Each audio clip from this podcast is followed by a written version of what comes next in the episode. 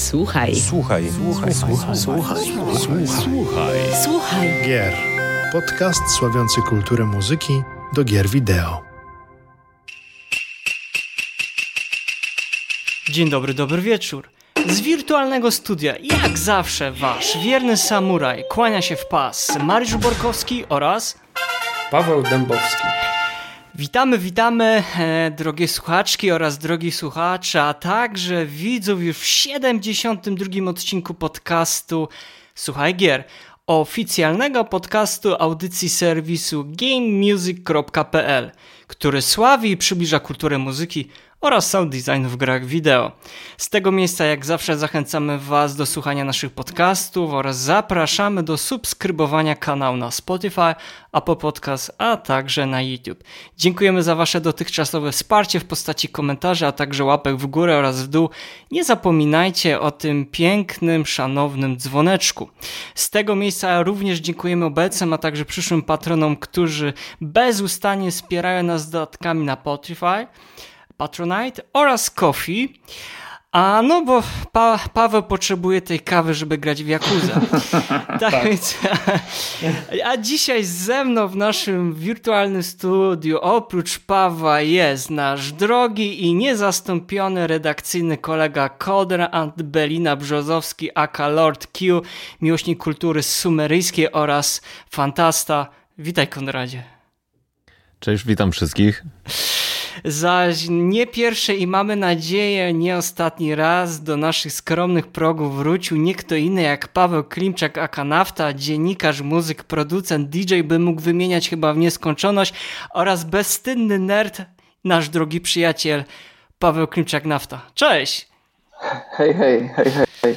Myślę, że to ostatnie jest najbardziej aplikowalne. Prawda? Bezstydny nerd. Ca całe życie. Nie? To jest niezależnie co się zmienia wokół, to jedno jest takim stałym, stałym czynnikiem. To jest niezmienne. Ja myślę, że chyba wszyscy się pod tym podpisujemy. Jesteśmy takimi nerdami pozytywnie nakręconymi.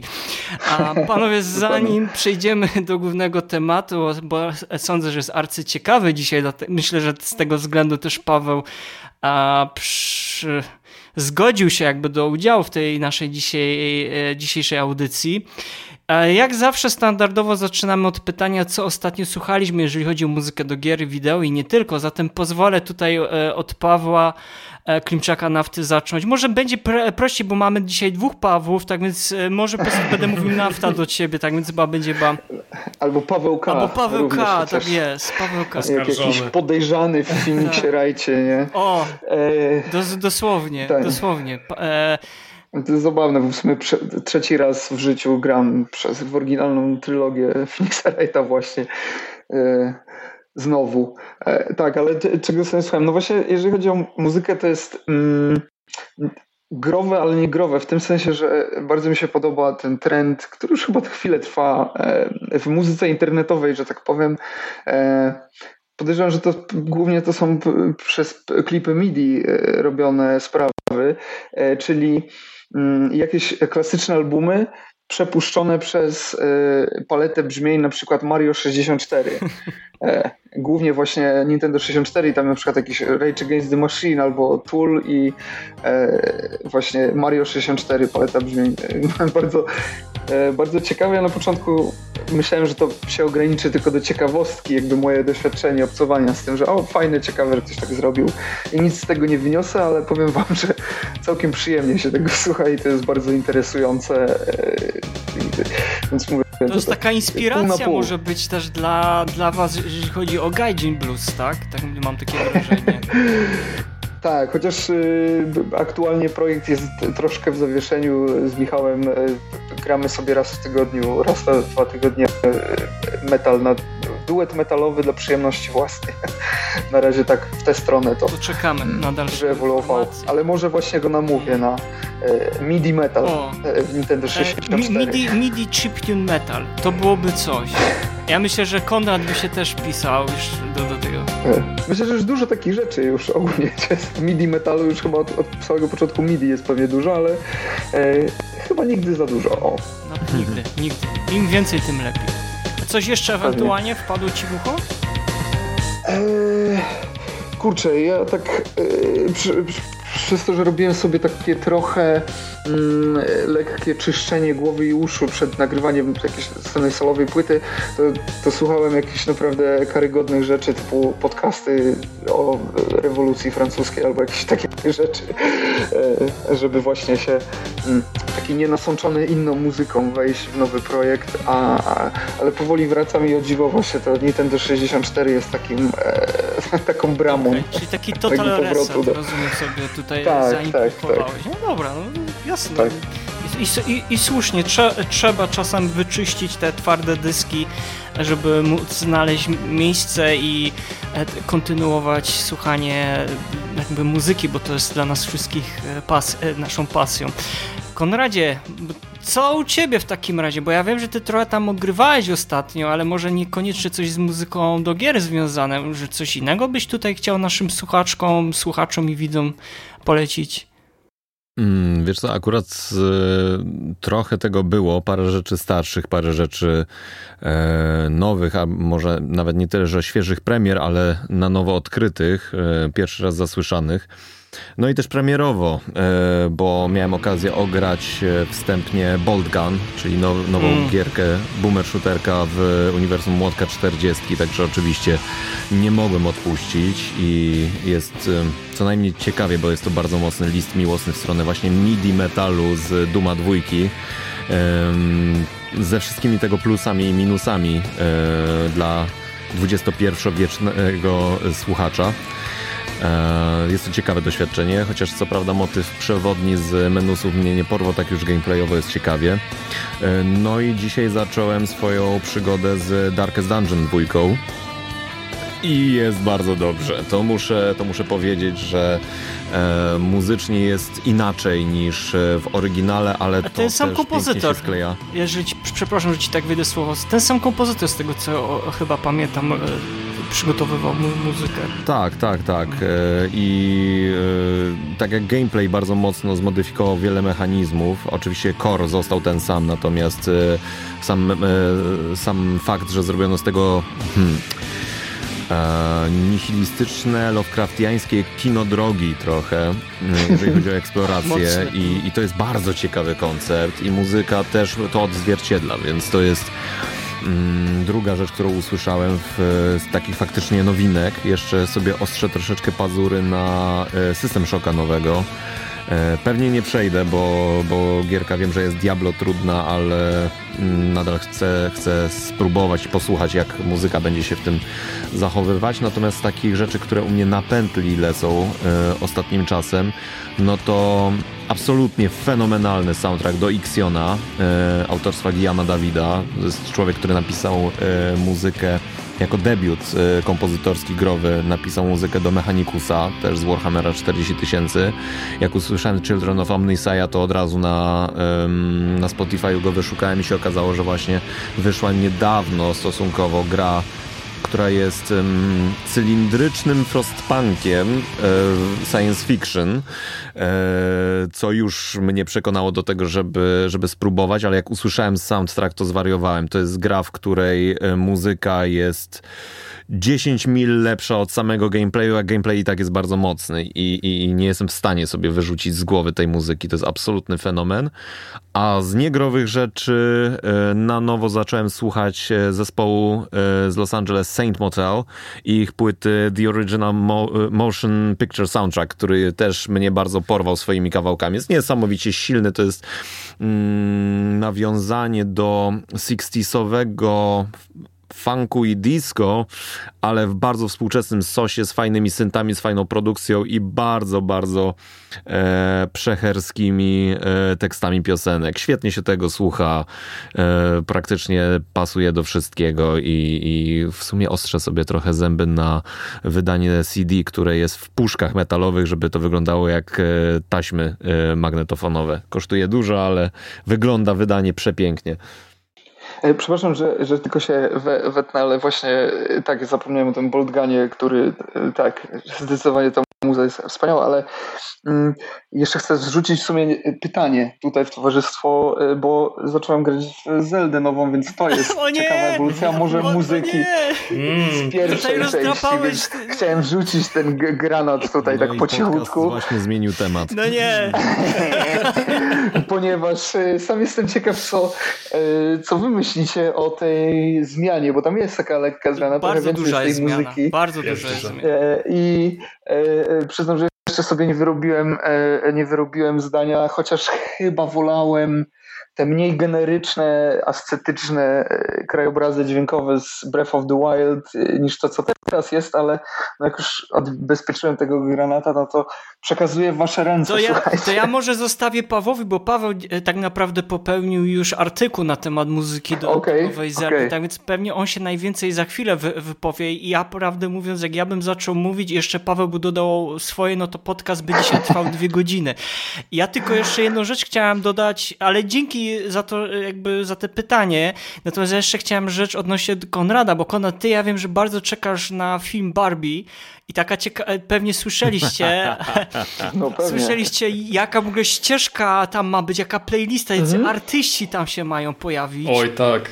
To jest wow, dla mnie osobiście to jest taka, ja nie wiem, czy to nie będzie troszeczkę paro parodia y, tego, co się dzieje w Hollywood obecnie. E, podszyte grubymi nićmi na zasadzie, ok, jest marka Barbie, Mattel się, e, Mattel się zgodziło na, na zrobienie tego, ale to będzie trochę taki prześmiewczy chyba film tego, co się dzieje w Stanach Zjednoczonych, jeżeli chodzi też o rynek e, muzyczno, taki ogólnie show biznesowy, tak? Absolutnie i wydaje mi się, że Mattel, które wiecie, filmy Barbie kierowane do innych ludzi niż my, cały czas powstają jakieś kreskówki i tak dalej, więc Mattel nie ma problemu z tym, żeby, że taki jakiś autoironiczne, jakaś autoironiczna rzecz jakoś naruszy integralność marki, albo że to będzie coś na minus. Wprost przeciwnie, ja myślę, że to jest bardzo dobra kmina, że takie, mm, wiecie, kontrolowana satyra w jakimś stopniu, e, to jest, to jest świetny, świetny zabieg e, marketingowy e, i, i, i, i tutaj wszystko gra na takie bardzo samoświadome E, bardzo samoświadome e, zagranie, jeżeli chodzi o ten film i wszystko, co się wokół niego dzieje, ale mm, więc i to jest w ogóle, wytrąca nam też z ręki dużo, dużo orężu, bo, bo co zrobimy z tym? No tak, to jest satyra, e, korporacyjna satyra, samoświadoma, jakby nie wiadomo, co z tym zrobić. To jest dla mnie fascynujące, naprawdę. Ja mam... to jest, gdy, mhm. Gdyby Mario Movie było edgy, nie? ale Nintendo nigdy nic takiego nie zrobi mamy niezłe porównanie właśnie, nie? Marka dla dzieci i, i dwa różne podejścia, czyli bezpieczny film dla dzieci i no ta totalna korba z, czy z, z filmie ja Barbie. Sądzę, pa, pa, pa, e, pa, Pawle, że musimy się z, gdzieś w najbliższym czasie spotkać, czy to na żywo, czy znowu przy kolejnym podcaście. Jak już będziemy po emisji tego filmu, to może się trochę więcej Totalnie. powiemy. A ja bym chciał w tym momencie oddać głos e, koledze redakcyjnemu Pawłowi Dębowskiemu. Pawle, czyli co? Zelda, tak? Chcesz, rozumiem, że to ostatnio chyba najwięcej. Zróbmy to sobie. To, to Zróbmy to. Ale, zanim, nie, ale zanim to. Ja zanim... tutaj nie mam. ale zanim to muszę powiedzieć. Można się ograniczyć do trzech minut. Masz, uwaga, czas start, stop okay, leci, Paweł. Okay. Okej, okay. zanim to, to jeszcze tylko dopowiem, że e, sam trailer e, do Barbie e, kupił mnie tym, że na samym końcu słyszałem Barbie Girl od Aquy i wiedziałem, mm. wiedziałem, to musiało paść. No, oczywiście, i, do hymnu, nie? Wszyscy wstali. Do hymnu, wszyscy. Dokładnie. Okej, okay, bardzo króciutko, jeśli chodzi o Tears of Kingdom, ja to mogę powiedzieć, że to jest, e, myślę, idealne uzupełnienie do Breath of the Wild. Um, i mogę tutaj e, zacytować siebie samego z tekstu, który dosłownie dzisiaj, w momencie jak to nagrywamy, pojawi się na stronie.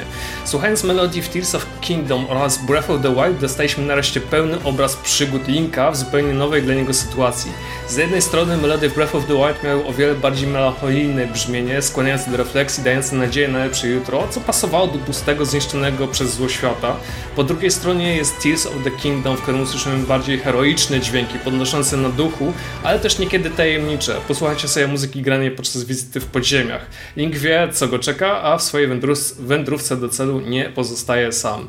Także ja mogę się tutaj zgodzić, że Breath of the Wild miał rzeczywiście mnóstwo takich dźwięków mm, nawiązujące do, e, do otoczenia Linka, tak? do przyrody, do natury, natomiast w drugiej części no bardziej są te melodie nastawione pod pod, pod wydarzenia i pod to, co się e, dzieje tak naprawdę. Ten seksowny saksofon. Ojej. O Jezus, tak. Ojej, to jest cudowne, to jest cudowne. Jak akordeon był w Breath of the Wild takim powiedzmy... Tak, ten saksofon robi, saksofon robi robotę. Robi Jezu.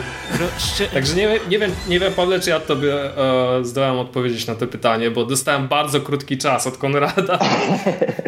nie, no jak najbardziej, jak najbardziej. Ja, ja, się, ja się trochę zgadzam, że to bardziej do takiej, nie wiem, heroicznej natury Tears of the Kingdom tak. E, pasuje, nie? Bo tak, tak, jednak tak. Breath of the Wild taka trochę postapokalipsa, no bym tak, powiedział, a tutaj jest tak... Bo Breath of the Wild, wiesz, Link e, budzi się w zupełnie, zupełnie hmm, nowym miejscu, tak, w cudzysłowie ten nowym, no nie musi go poznawać, więc poznaje te całe terytoria, a w drugiej części, no już wiesz, czym będzie tak miał mniej więcej do czynienia, więc jedziemy, przygoda, dzieje się, no Więc to jest taka różnica, ale naprawdę kompletnie siebie uzupełniają. Gdyby wyszedł album, to widziałbym na jednej składance muzykę z Breath of the Wild i Tears of Kingdom. To jest fantastyczne uzupełnienie jednego i drugiego.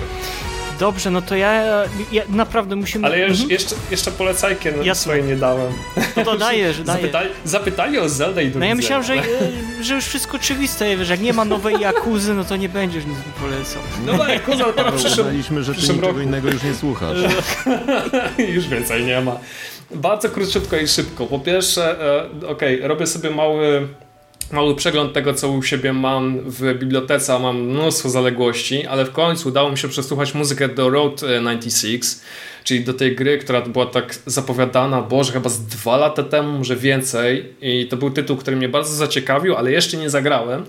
Um, I soundtrack nawiązuje mocno do samej gry, bo oczywiście mamy tam połączenie folk. Y, jest to, jest to przede wszystkim muzyka licencjonowana, czyli usłyszymy e, takie zespoły jak Toxic Avenger, Cocoon, e, X, ale również muzykę Daniela Gada i Roberta Parkera. No i mamy taki miks folku, popu, e, dance, elektroniki i tak dalej. I oczywiście wszystko to podszyte pod e, płaszczykiem muzyki indie, muzyki niezależnej i utrzymane w takim klimacie hmm, ja bym nazwał, jak, jakbym miał stworzyć z tego playlistę, powiedziałbym, że to jest taki e, road trip music. Naprawdę idealny właśnie do takiej przyjażdżki samochodem przez jakieś e, drogi pustynne. E, naprawdę solidny, solidna playlista, bardzo dobrze ułożona. Nie jest to może taka playlista porównywalna z mm, Life is Strange na przykład, gdzie jest zupełnie potężne spektrum muzyki niezależnej. No tutaj ta lista jest dosyć solidna, e, te zespoły się oczywiście powtarzają, ale mimo wszystko sam soundtrack naprawdę e, polecam, jeśli ktoś wybiera w jakąś podróż. No i druga rzecz, e, że troszkę jedną nogą e, wróciłem do, do słuchania muzyki z Castlevania i na dłużej pozostałem przy Castlevania Harmon of Despair. Um, dla tych, którzy nie wiedzą, jest to oczywiście Castlevania, ale z koopem. Czyli możecie sobie z kolegami zagrać i wcielić się tutaj w postaci, nie wiem, Alucarda, Sama Cruza, e, Jonathana Morrisa, Charlotte Olin i tak dalej, tak dalej. W ogóle z tych wszystkich klasycznych e, dwuwymiarowych Castlevanii. No i soundtrack, e, pierwsze nad soundtrackiem oczywiście obejmowały, obejmowali ci pierwotni kompozytorzy od Konami Club, czyli Michiru Yamane na przykład i Masahiro Kimura i tak dalej, i tak dalej. No i pojawiły się również nowe kawałki od e, Yasuhori, e, Ihihashi, Tomakai Hirono. I jeśli, jak, jak ja bym miał, określić ten soundtrack? Słuchajcie, jeśli graliście kiedykolwiek w te klasyczne Castlevanie e, dwuwymiarowe, no to dostajecie tę samą muzykę, ale na sterydach jeśli, jeśli ktoś chce wiedzieć więcej, niech posłucha sobie na przykład Heart of Fire, który pojawił się w pierwszej odsłonie i oczywiście jest to taki typowy chiptune, ale w tej wersji dostajemy potężne rockowe pierdolnięcie, które zostaje na bardzo długo i to jest cały taki soundtrack. Także no, jeśli chcecie, jeśli chcecie mieć takie duże podsumowanie tego, czym jest muzyka z Castlevanii i jednocześnie dobrze się przy niej bawić z, ze znajomymi przy tej grze, no to ewidentnie Harmony of the Despair to jest mój a, znaczek jakości. Oczywiście nic nie przebije um, Jakuzy. Symfony... Tak, symfony. przepraszam, przepraszam za te trollowanie, ale niestety Paweł, Paweł jest Minął, fanem jako... Minęło zero dni, odkąd Mariusz użył dowcipu zamiast. Taką tablicę ja, ustawię. Nawet nie 10 minut. Tak, tak. Ja powiem tak, mi się już czerwona lampka świeci, że już wstęp mamy taki długi, że można byłoby zrobić z tego podcast z samego wstępu. Dobrze, to ja może ze swojej strony szybko wrzucę. Ja słuchałem z kolei, bo nareszcie pojawiła się ścieżka dźwiękowa ze Splatuna 3, original soundtrack z muzyką Tashiyuki Sudo, Ryo Nagamatsu i Tori Minageshi i Yumi Takashi, jeszcze jeszcze kilku innych kompozytorów i kompozytorek e, brało udział w tym projekcie. No i powiem tak, że choć od premiery całej gry już minęło no, blisko pół roku, to jakby w dalszym ciągu jest na szczycie popularności, nie tylko jakby ze względu na tą samą grywalność, ale również fenomenalną oprawę dźwiękową w mojej opinii. E, no, która jest tak naprawdę miksem wszystkich mi znanych gatunków e, muzycznych. Dlatego do przewidzenia było to, że trzecia odsłona Splatuna nie tylko będzie kontynuować swój własny sukces, ale również raz jeszcze udowodni, że jest niekwestionowanym królem, jeżeli chodzi o eksperymentalną muzykę. Oczywiście tylko z mojej opinii tak, to, e, to wynika, choć spotykam się z głosami, że też mają podobną, e, podobną jakby wizję na temat tej ścieżki dźwiękowej. No i sądzę, że jakby dzięki temu podejściu wiem, że mogę jakby spać spokojnie, e, jeżeli chodzi o markę z Platuna, bo to jest tak naprawdę niewyczerpalne źródło pomysłów, którego końca jakby dalej nie widać, a to dopiero początek tej zwariowanej przygody. Zaś jeżeli chodzi o drugą pozycję, no to Planet of Lana Original Soundtrack z muzyką takie, Takasiego Furu, Furukawa oraz Sioban Wilsona. No i po dłuższej przerwie w komponowaniu muzyki do gier Takeshi Furukawa powraca, bo pewnie osoby, które kojarzą to nazwisko, to jest kompozytor, który przygotował muzykę do The Last Guardian. No i tutaj powraca z nowym projektem muzy muzycznym. No i Plana do Wlana to tak naprawdę to jest... Yy gra studia Wish Valley, zabier która zabiera nas w pełną przygód historię. Główna bohaterka oraz mieszkańcy rodzimej planety przeżywają najazd mechanicznych stworów.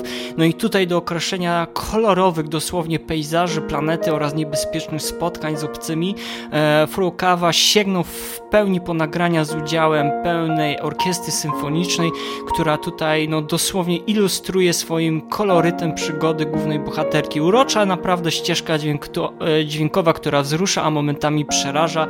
Kolejne wybitne dzieło japońskiego kompozytora. No, spotkaliśmy się dzisiaj, powiem tak, że zostałem bardzo mocno zainspirowany ostatnim panelem, który miałem okazję prowadzić w trakcie Festiwalu Muzyki Filmowej. Strasznie żałuję, że Paw Pawła Klimczaka nie było razem ze mną, bo sądzę, żebyśmy tutaj troszeczkę e, wrzucili ten patyk e, do, tej, do tej dziury i tak troszeczkę byśmy wycisnęli trochę więcej od moich gości, ale przyznam się szczerze, że e, chyba nam udało się osiągnąć i gdzieś tam po, poniekąd poruszyliśmy ten temat, który jest moim zdaniem bardzo ciężki, czyli dlaczego nie bądź żyjemy tak, w złotej erze muzyki do gier i dzisiaj jakby wspólnie w naszym gronie będziemy starali się naprawdę w tym krótkim czasie, który nam pozostał, odpowiedzieć na te pytanie, jeżeli nam się oczywiście uda. Ja bym może zaczął też od trudnych początków muzyki do gier wideo, bo jak pewnie wszyscy oczywiście w trójkę, w czwórkę nawet wiemy, te początki były dosyć, nie były łatwe, no bo pomijam już te fakt, jak to zaczyna, pojawiały się pierwsze flipery, pierwsze automaty, gdzie były kasety magnetofonowe z popularnymi zespołami pokroju Journey, gdzie tak naprawdę nie było wtedy jeszcze takiej prawilnej muzyki do gier wideo, która byłaby przygotowana przez kompozytorów. Pamiętamy oczywiście Ponga z 72 e, Atari, gdzie tam były dźwięki, które można by powiedzieć, one poniekąd tworzyły jakby pewien taki taki schemat muzyczny, który no, był jakby uzależniony od nas, a nie od tego, że był zaprogramowany. No ale Prawda jest oczywiście taka, że prawdziwa rewolucja no, pojawiła się z nadejściem 8-bitowych konsol w latach 80. Tu jeszcze oczywiście wiemy, że pojawiały się pierwsze automaty, jak innymi z, e, z Pac-Manem, gdzie muzyka autorstwa Toshio Kai no, jest bardzo pa pamiętna, tak? Mm, czy chociażby Donkey Kong od Nintendo. No I tu właśnie chciałem powiedzieć, że prawdę mówiąc, wszystko się zaczęło od Nintendo. Ja wiem, ja wiem, że Atari było i wiem, że e, tutaj może ktoś mi zarzucić, no ale słuchaj Mariusz, no przecież Atari było, były jeszcze automaty. Owszem, były, ale ja sądzę, że z mojej perspektywy i chciałbym też za chwilę od was usłyszeć, jednak to Nintendo wpłynęło bardzo mocno na to, jak teraz mm, naprawdę cały biznes, show biznes muzyczny, muzyki do gier wideo wygląda, no bo przecież wszystkie te inspiracje które powstały za sprawą Mariana, Zeldy, Metroida, Megamena i innych wielu, wielu innych e, marek, o których dzisiaj pewnie niejednokrotnie powiemy, one bardzo mocno zainspirowały i wpłynęły na kolejne jakby rzesze mm, osób, które się wychowywały później w tych latach 80. Wiadomo, lata 90. pojawiają się pierwsze konsole, które dają nam nośniki e, płyt CD, Sony PlayStation, później oczywiście się Sega Saturn pojawia, mamy później pod koniec z 2000 e, czy na, na samym początku, na przełomie lat 90. i 2000 lat, no to mamy Sega Dreamcast, mamy Xboxa, no i wiadomo, ten rozwój technologii sprawia, że ta muzyka do gier wideo i te wcześniej ogranicze, ograniczenia po części zostają z, z łańcuchów e, odpięte i no, to były takie niełatwe te początki. Ja bym chciał właśnie waszą tutaj e, takie punkt widzenia usłyszeć, czy mm, jak te, jakie były te trudne początki muzyki do gier wideo? Czy one faktycznie były, tak, e, były takie trudne, jeżeli można sobie to wyobrazić? E, Pawle Klimczaku? Nafta? Hello, hello. hello. Tak, to jest, tak się zasłuchałem i, i, co mówisz i zacząłem jednocześnie myśleć sam, kiedy ja zacząłem rejestrować świadomie, że muzyka jest w ogóle integralną częścią grania, nie? Nie byłem, e, gdzieś tam na początku miałem styczność sporadyczną z jakimiś amigami u znajomych moich rodziców, Spektrum, potem miałem Pegasusa, czyli... Tego, wiemy o... tak. tak, miałem podróbę podróbę Nesa, czyli Pegasusa, no i tam wiadomo, no, no, ta muzyka była mm, dosyć zapadająca w pamięć, szczególnie Super Mario, czy te wszystkie haki, które sprzedawano jako tysiąc gier na jednym kartridżu, a to było jakieś 500 haków w Super Mario, nie? E, więc wydaje mi się, że w historii muzyki w grach wideo jest, y, to jest taki splot kilku bardzo unikalnych historycznych okoliczności, bo kiedy się zastanowimy nad istotą tego, jakiego rodzaju e, tekstem kultury i rozrywki jest, są gry wideo, to jest najbardziej zaawansowana, prawda, obecnie e, forma rozrywki. I na początku e, swojego istnienia gry wideo wcale takie nie były, w sensie nikt na to tak nie patrzył. Trywialne nie, dźwięki, nie, nie bzyczenia, syczenia, tak. co to jest. Tak? tak, nie zdawano sobie sprawy z jakiegoś narracyjnego potencjału tego, to, to, to była w dalszej części. Dzisiaj byśmy na to powiedzieli, że to jest głównie arkadowe myślenie, nie? że to jest po prostu te, tego, typu, tego typu rzeczy. I, I tutaj oczywiście te e, bliskie naszym sercom japońskie RPG dużo zmieniły, prawda? Kiedy mm, zaczynają się pojawiać e, wartości narracyjne tak. bardzo zaawansowane Postacie, w relatywnie tak. prostych grach, nie? I wydaje mi się, że e, my ogólnie jesteśmy w tej bardzo fajnej pozycji, że widzimy, braliśmy udział od samego początku w historii gier wideo i możemy już teraz, co jest w sumie rzadko kiedy taki luksus oceniania zjawiska, mm, powiedzieć cokolwiek o tej historii, ewolucji tak na, na świeżo, jednocześnie mając w pamięci praktycznie całą historię, nie? No bo jasne, lata 80., ale nie wiem jak wy, ja grałem w gry z lat 80. jeszcze w latach 90., prawda, więc... O, chyba wszyscy to. E, co? No właśnie, albo na emulaturach, no właśnie. Mm. Mm, więc dla mnie to, to, to, były trudne o tyle, że po pierwsze, nie były na początku żadnym, e, bym powiedział, pełnoprawnym elementem tego, na samym początku, tego całego doświadczenia, bo e, nie tylko ze względów jakichś tam filozoficznych, prawda, ale przede wszystkim technologicznych. Strasznie mało miejsca. Chcemy przede wszystkim, żeby gra była fajna, żeby się dobrze w nią grało, żeby ona miała jakiś fan, więc gdzie, gdzie możemy przyciąć pamięć, tak? No to dialogów wiadomo, nie ma co tam wrzucać, fabuły, tekstu, tniemy dźwięk. Mm, pojawiają się te większe chipy, pojawiają się dodatki, tak nie, w Nintendo 64 zwiększające tę pamięć w jakimś tam stopniu i tak dalej. No i pierwsze takie multimedialne centra, do tego mówiłeś, y, nawiązałeś Mariusz, jak PlayStation, prawda, która od samego początku Sony, czy PlayStation 1, 2, 3, w mniejszym może stopniu 4, chociaż też w jakimś prezentowanie konsoli nie jako sprzętu do gier, ale jako centrum multimedialnego. No i wydaje mi się, że właśnie epoka PlayStation pierwszego to jest już ten dojrzały okres muzyki w grach wideo, w którym jesteśmy do dzisiaj, nie? Mm, jeszcze nie ma wokół tego branży, jeszcze nie ma nagród na przykład, to jest też takie zawsze wiadomo, nie? Można się śmiać z różnych nagród, ale to, że się pojawiają nagrody, które pokazują jakiś jeden konkretny aspekt e, dzieła kultury, mm, to jest jakiś tam kamień milowy, prawda, w, w, jeżeli chodzi o obieg, e, obieg tych, tych rodzajów rozrywki w, w, w jakby w świadomości ludzi. Więc myślę, że e, to jest takie, takie bardzo ciekawe, że to jest też bardzo związane, jak wszystko w grach wideo, z rozwojem technologicznym i czym więcej jest możliwości pakowania dźwięku na e, dźwięku, czy może konkretnie muzyki, bo dźwięki to jeszcze ludzie byli bardzo świadomi, że muszą być dźwięki, że to musi być te charakterystyczne rzeczy. Otwieramy skrzynię w Dragon Questie, levelujemy. Dźwięk, który pamiętamy do dzisiaj. I wydaje mi się, że przesunięcie ciężaru z tych dźwięków w stronę soundtracków, a ostatecznie w stronę no, ja nawet nie chcę ruszać tego, tej wiecie, puszki Pandory zwanej grami rytmicznymi, ale przesunięcie właśnie e, świadomości, że muzyka to jest coś, co jest nie tylko jakimś elementem, który warto jest mieć w e, grze, ale również czymś, co może wręcz stanowić o charakterze tej gry.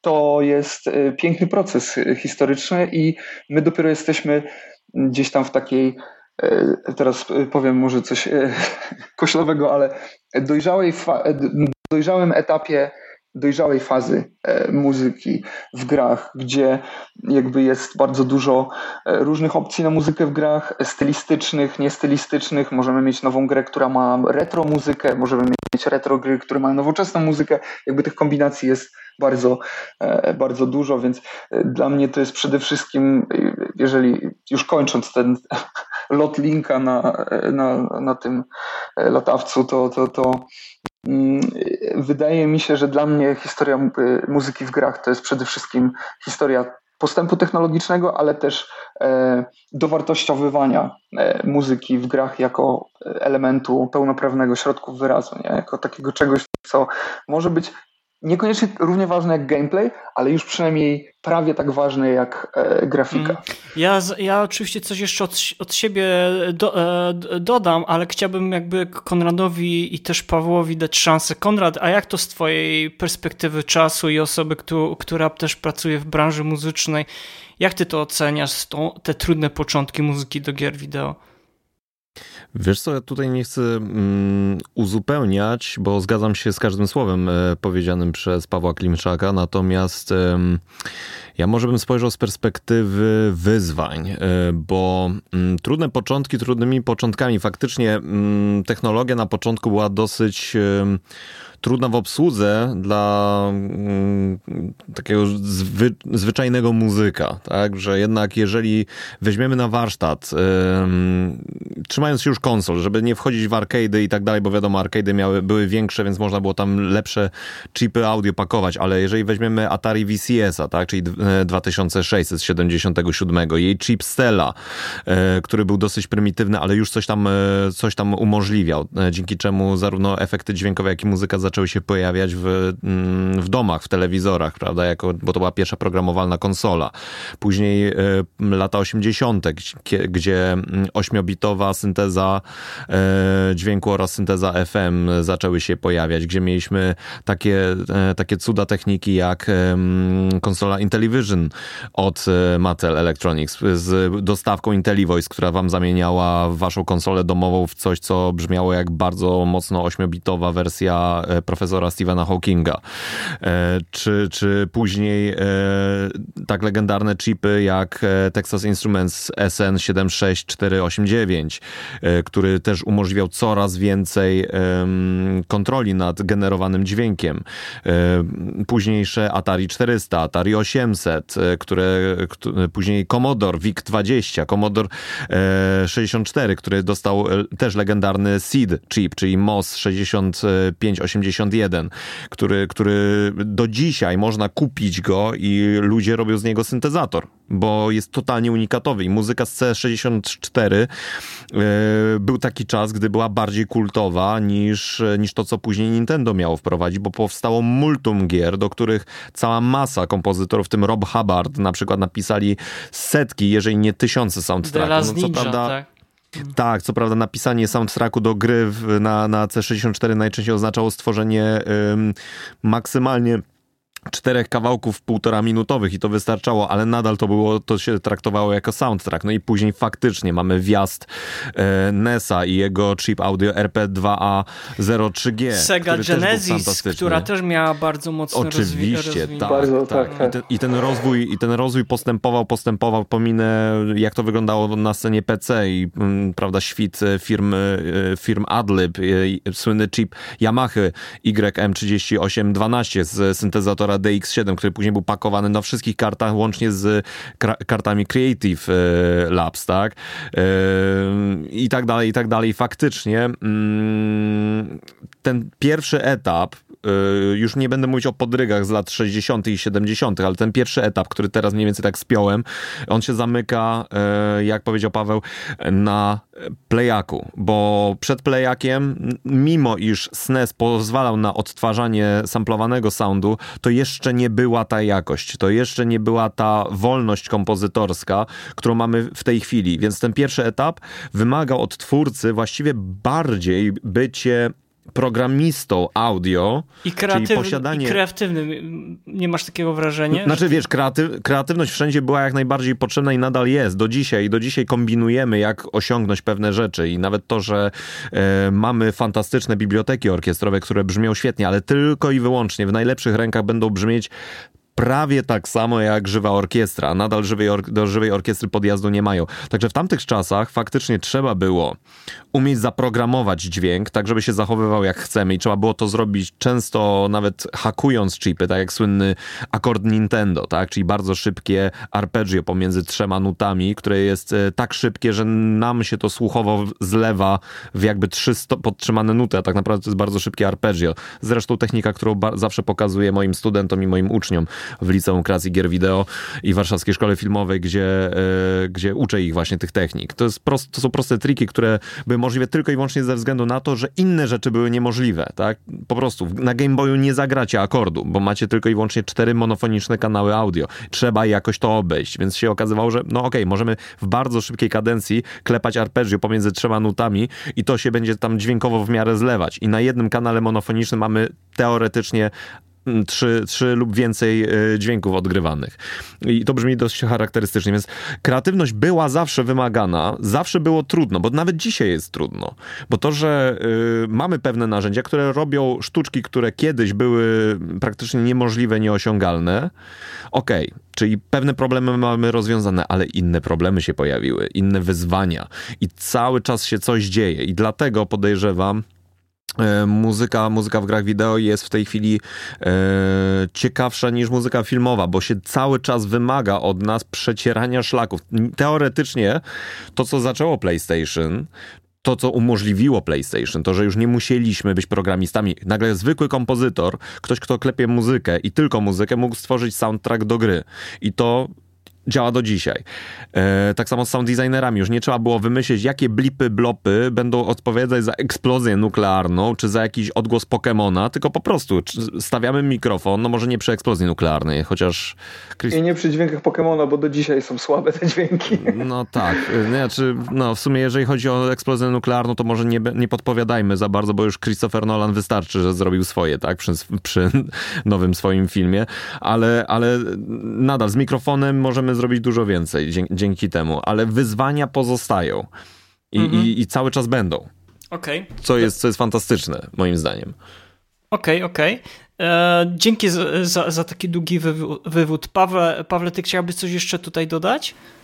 Co, postaram się to w jakimś skrócie powiedzieć. A jeśli mówimy o rozwoju muzyki do gier, w ogóle to trzeba na to spojrzeć z e, dwóch, e, z dwóch płaszczyzn, z dwóch perspektyw. Po pierwsze ten technologiczny, o którym już w zasadzie chłopaki powiedzieli, tak? czyli mieliśmy te a, pierwsze podejścia do, do stworzenia muzyki do gier na konsolach, które no, no, na początku brzmiały jak te no, bzyczenia, punknięcia i tak naprawdę tak wyglądał wyglądały pierwsze dźwięki w grach i nagle to się stopniowo, powoli rozwijało i w końcu można było pozwolić sobie na wstawienie e, czegoś, co przypominało w ogóle jakąkolwiek melodię.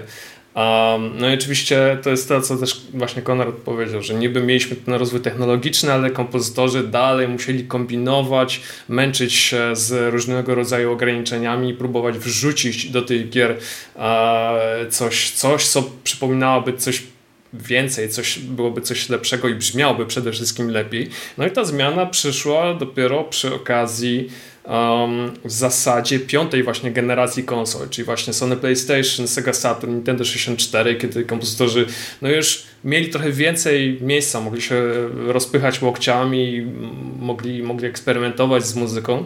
No i z czasem, z każdą kolejną generacją konsol było tego coraz więcej, coraz więcej, coraz lepiej. No i teraz jesteśmy w takim punkcie, gdzie możesz po prostu całe etiudy, całe aranżacje operowe e, wrzucić do gry i nikt się do, do tego nie przyczepi. Ale tutaj zwrócę uwagę na ten drugi aspekt, chyba troszkę ważniejszy, mianowicie to, w jaki sposób jest postrzegana e, muzyka do gier, albo inaczej, w, jaki sposób być, być, być ona powi, powinna postrzegana. Na początku, kiedy gry wideo powstawały, e, to mm, w zasadzie nie było wiadomo, czym są gry wideo. Nie było czegoś takiego jak podręcznik game designu, nie, nie było czegoś takiego jak wykłady, co to są gry, jak mają powstawać. Tak naprawdę przenosiliśmy, znaczy przenosiliśmy, twórcy gier przenosili zasady na przykład gier planszowych albo zabaw dziecięcych na podwórku z rzeczywistości na ekrany i po prostu coś na ich podstawie kombinowano. No i oczywiście z czasem to się, to się zmieniało. W przypadku muzyki Mieliśmy więcej, mniej więcej podobną sytuację. Oczywiście na początku były te wszystkie brzęczenia i puknięcia jak, jak, jak w Pongu, ale z czasem uznano, no fajnie, fajnie by było, gdyby powstały jakieś e, konkretne melodie. No i tutaj też nie było takiego myślenia, o Jezu, a co, co można by było tam nowego skomponować, tylko również były wrzucane jakieś e, utwory ze świata rzeczywistego. Już przepraszam, niestety nie przypomnę sobie tytułu tej, e, tej gry, miałem go na końcu języka, ale to była taka gra wyścigowa, w której został wykorzystany jakiś y, bardzo klasyczny utwór. Tak? To był, nie wiem, 5, może 10 sekundowy zapętlony loop, no ale tak, tak się datuje, że to była pierwsza gra, która wykorzystała y, możliwości techniczne ówczesne sprzętu i w ten sposób powstał pierwszy soundtrack. Tak? No w kolejnych latach y, można powiedzieć, że próbowano w jakiś sposób to eksploatować i dążyć do tego, żeby to melodie miały jakiś charakter, ale znowu nie, y, te utwory nie powstawały po to, żeby coś znaczyły, żeby miały jakiś wpływ na gameplay, żeby, nie wiem, tak jak y, w przypadku już wspomnianego na, na samym początku przeze mnie na przykład Life is Strange miał jakiś, um, miał jakiś wpływ na fabuły, czy na to, w jaki sposób ją odbieramy, tylko po prostu ma to być melodyjka, która ma grać w tle. I tyle, tak naprawdę. Czyli ta zmiana, zanim, zanim dotarliśmy do tego, do tego poziomu, w którym teraz jesteśmy, no musieliśmy mocno, e, mocno przetrzeć drogi, mocno się nauczyć tego, przede wszystkim czym są gry, czym mają być gry, jak one się mają rozwijać, a dopiero e, muzyka była na tym drugim planie. Nadal muzyka przez wiele, wiele lat była takim e, czymś, co ma po prostu pogrywać w tle. Mm, no i w zasadzie dopiero od... Hmm, tak się zastanawiam. Chyba od może szóstej, może od siódmej generacji jesteśmy w takiej sytuacji, kiedy ta e, muzyka do gier no, jest czymś więcej niż e, jakąś melodyką graną w backgroundzie. No i też e, to jest to, co e, w sumie Konrad powiedział, że kompozytorzy już, no, kompozytorzy muzyki do gier już nie są tylko i wyłącznie kompozytorami.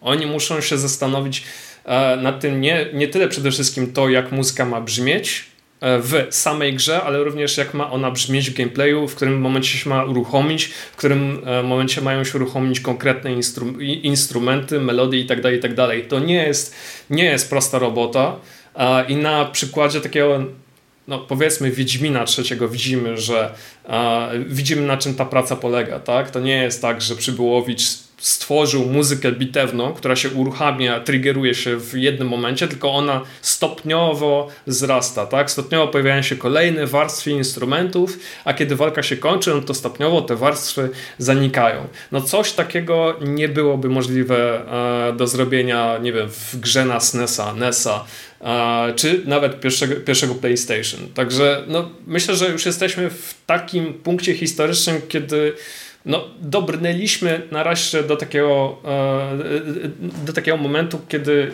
już wiemy, e, czym jest muzyka do gier, jak ją implementować do gry ale mam takie jeszcze dziwne wrażenie, że jeszcze, jeszcze wielu nowych rzeczy e, będziemy się musieli nauczyć. No tutaj takie drobne puszczenie oczka do, do czasów przyszłych, czyli na przykład do sztucznej inteligencji a, i tego, czy nam bardziej pomoże, czy, czy, czy zaszkodzi przy a, tworzeniu muzyki do gier. No jeszcze nawet nie liznęliśmy technologii VR, ale to nie dzisiaj pewnie czas i miejsce, żebyśmy o niej porozmawiali, choć może ktoś z Was będzie chciał swoje trzy grosze dorzucić. A jeżeli chodzi właśnie o obecny stan popularności muzyki do gier wideo, ja mam wrażenie, że też jakby po części rynek gier w Japonii wyna, wynalazł na, nazwę kompo, kompozytor, kompozytorka muzyki do, do gry, gry wideo, ponieważ jak pewnie pamiętacie w latach 80., jak powstawały gry na konsolę Nintendo, to zazwyczaj e, później, czy jeszcze oczywiście jeżeli chodzi o Sega, Sega Mega Drive, Sega Genesis, to zazwyczaj było tam wymienione, że kto kompozytorka albo kompozytor e, był odpowiedzialny za muzykę do, do danej gry. I ja sobie nie jestem w stanie jakoś tam gdzieś przypo, przypomnieć przypomnieć w tych powiedzmy grach pokroju, które były wydawane na stacjonarne komputery, czy tam osobiste, Commodore, Atari i Amigę, a nie pamiętam czy w liście płac na samym początku to było załączone, bo to, to było tak dosyć ciekawe, że niektóre te produkcje japońskie miały to. Ja tutaj nie chcę wyjść za kogoś, że ja, że tak powiem, stoję tylko po jednej e, stronie. Ja tak na dobrą sprawę czuję, że zachód i wschód we mnie jakby mocno bije, jeżeli chodzi o muzykę.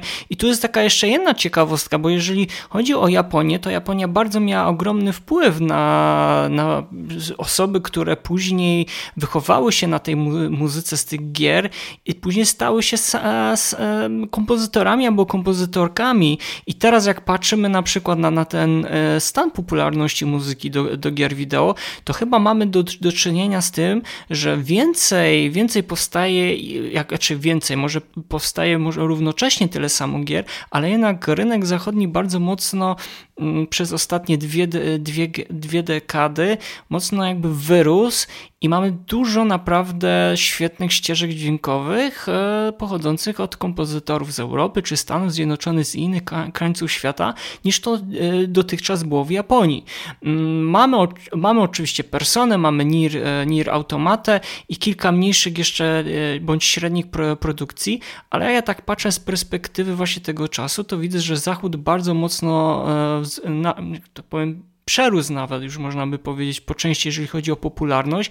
I ten stan popularności, jaki obecny teraz jest, bo wszyscy dobrze wiemy, że muzyka do gier wideo jest praktycznie szeroko dostępna w wszystkich serwisach streamingowych, tudzież też na YouTube.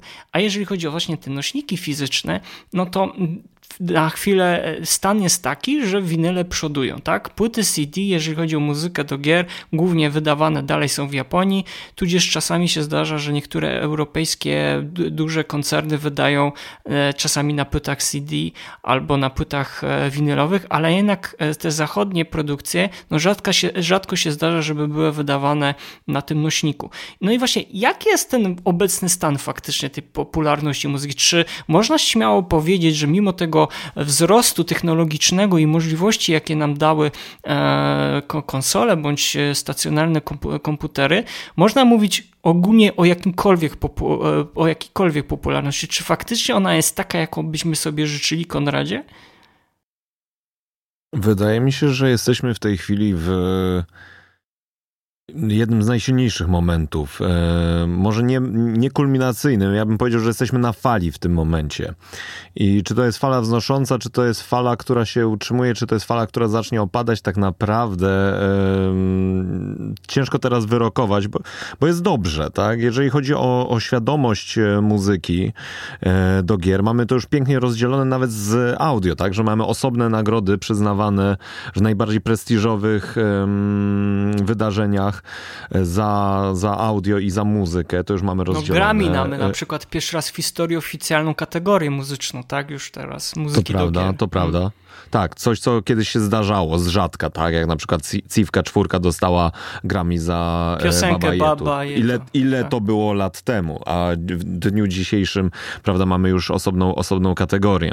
E, kompozytorzy muzyki e, growej są w tej chwili rozpoznawani i uwielbiani na świecie tak samo jak kompozytorzy filmowi. Zresztą tak naprawdę te media się w tej chwili przenikają do tego stopnia, że Bermy Creary pisze symultanicznie muzykę do E, Świetnego serialu. serialu. Istniał, tak, czyli do Pierścieni Władzy. E, jednocześnie do, do równie świetnego prequela Witchera, prawda? wing, wing. Tak, ale, ale przy okazji pisze absolutnie fenomenalny e, soundtrack, kontynuację do, do Symulatora Ojca, czyli God of War Ragnarok. Po prostu to jest, to jest mój soundtrack z zeszłego roku. E, nie tylko ze względu na to, jako, jaka to była gra, ale też jaka to była muzyka. E, także kompozytorzy w tej chwili właściwie mają ten luksus, że mogą robić zarówno bądź co bądź wysokobudżetowe produkcje filmowe czy tam serialowe i jednocześnie gry. Yy, i, I szczerze, no poziom jakości bardzo często przechyla szale na zwycięstwa na, na jednak nasze medium, nasze nowe medium, bo yy, kreatywność jest tutaj zdecydowanie wyższa, wręcz wymagana yy, momentami. To już nie jest tak, jak spójrzmy, jak wygląda top 10 soundtracków filmowych, prawda? Wszystko to jest orkiestra z jakimiś okazjonalnymi syntezatorami tak naprawdę. Natomiast w grach wideo non-stop mamy eksperymenty i tak naprawdę nie ma reguły, że to musi być AAA-owy tytuł, żeby dostał nagrodę. Bo, przepraszam bardzo, ale Darren Corp, no to jest po prostu fabryka y, genialnych soundtracków, tak? Tematów, Hades. tematów naprawdę. Tak, no mhm. chociażby, chociażby Hades, który też dostał przecież e, swoj, swoją ilość nagród, a to była, była jego ostatnia produkcja. Czy to, co teraz Austin Wintory zrobi yy, przy, przy kolejnej grze, Yy, Giant Squid. E, ci, co sami Abzu robili, czy tam poniekąd tak, to jest tak, część zespołu, tak, co tak, robiła no Journey. Przy... Mhm. Ja, ja, już jestem, ja już jestem spokojny. Ja wiem, że to będzie genialny soundtrack, no bo oni 10 lat ze sobą współpracują i też powiedzą, yy, podejrzewam Austinowi, z, z, zrób to samo, czyli zrób coś przełomowego, tak? No pressure, nie? I, i wiemy, że, że, że on to dowiezie. E, także, także też te, wydaje mi się, że gry wideo robią mniej więcej to samo, co, co akurat y, konkretna, konkretny wycinek sceny muzycznej elektronicznej, w której, w której ja siedzę od lat, to znaczy fanbase wymaga od nas, kompozytorów, kreatywności. My chcemy cały czas, my gracze tutaj teraz odbiję piłeczkę w drugą stronę, że my chcemy słyszeć nowe rzeczy i, i, i chcemy, chcemy mm, inspiracji, chcemy, chcemy świeżości, chcemy e, unikatowości dźwięków, których jeszcze nie usłyszeliśmy jakimś dziwnym trafem. I, i, I to jest e, rzecz, która będzie cały czas napędzać tą maszynę kreatywną. Inna sprawa jeszcze, nawet patrząc na fonografię. Eee no 15 lat temu y, płyta winylowa należała właściwie tylko do DJ-ów, tak? I, i, i paru innych zboczeńców. Natomiast y, w tej chwili kolekcjonerstwo winylowe, zwłaszcza jeżeli chodzi o soundtracki growe, wróciło i ma się bardzo dobrze. I to nie tylko ze względu na tak przepyszne wydania, jak na przykład y, najwyższa opcja, y, jaką, jaką umożliwiono, kiedy, kiedy wyszedł soundtrack z Duma z 16 roku, tak? Cztery krwisto czerwone winyle plus koncept arty i tak dalej, i tak dalej, że tam jedyne czego brakowało to właściwie chyba e, tylko odcisku stopy Mika Gordona do całowania. E, natomiast, czy Cuphead, który jest e, wydany nawet w tym swoim podstawowym wydaniu, bo to chyba było podstawowe wydanie. Tak, jeszcze podstaw... i tak, dwupytowe które, wyszło i czteropytowe. Tak, mhm. a czteropłytowe, no to już w ogóle wyglądało jak coś wyciągnięte z, z lat 30. Więc tak odruchowo się oglądam za siebie na moją kolekcję, prawda, czarnych plasków, czy mi coś nie uciekło. No i no na przykład też takie bardzo skromniutkie wydanie, prawda, wielokolorowe Heroes of Might and Magic 3 zremasterowane e, na potrzeby tego wydania, co też było absolutnie unikatowe, bo tak naprawdę Heroesy trójka Gdyby nie działanie pewnego mało e, doświadczonego wydawnictwa e, winylowego, prawda, to prawdopodobnie byśmy zawsze słuchali tej samej sklejki, która jest na YouTubie od chyba 15 lat, nie do końca legalnie wrzuconej. E, jeżeli byśmy chcieli posłuchać muzyki z gry poza kontekstem włączonych Heroesów 3. Natomiast, e, więc, więc też, te, też nawet ten ruch, tak, to, to w sumie jest ważne, że e, ruch prezerwacji soundtracków, bo to nie tylko to, mamy, mamy przecież pierwszy soundtrack, który został e, wydany jako soundtrack, no to był Tempest 2000, y, który został wydany, nie wiem czy tylko czy tylko na jednym nośniku, czy na obu? Czy to był cedek, czy, cedek, czy winyl, czy były oba naraz? Tego nie pamiętam, ale... Najpierw cedek, a później był chyba winyl. Później, później bo ja widziałem winyla, mhm. ale nie, niestety nie miałem, nie miałem okazji łap na niego położyć. Czy Another Worlds, prawda, kultowa gra, której soundtrack też został wydany e, no, na winylu, a przy okazji jako digital, żeby, żeby zachować to dla potomności. Swego rodzaju e, fizyczna biblioteka cyfrowej kultury nam się tutaj zaczyna tworzyć, tak? Analogowe, cyfra w analog poszła. Więc y, te wszystkie inicjatywy plus, plus ciągły rozwój, moim zdaniem jesteśmy w tej chwili w y, bardzo dobrym punkcie na, na kreatywność i, i na dalszy rozwój muzyki growej. Mhm. Pawle, a jak ty to widzisz z twojej perspektywy, też osoby dziennikarza muzycznego, osoby gra e, jako gracz i też jako deweloper, bo też jakby pracu pracujesz w studiu deweloperskim? Nie wiem, o którego Pawła pytasz. No, je, Pawła Dębowskiego. Ja do nafty będę e, mówił nafta, tak będzie chyba najprościej. Dobrze. Dobra.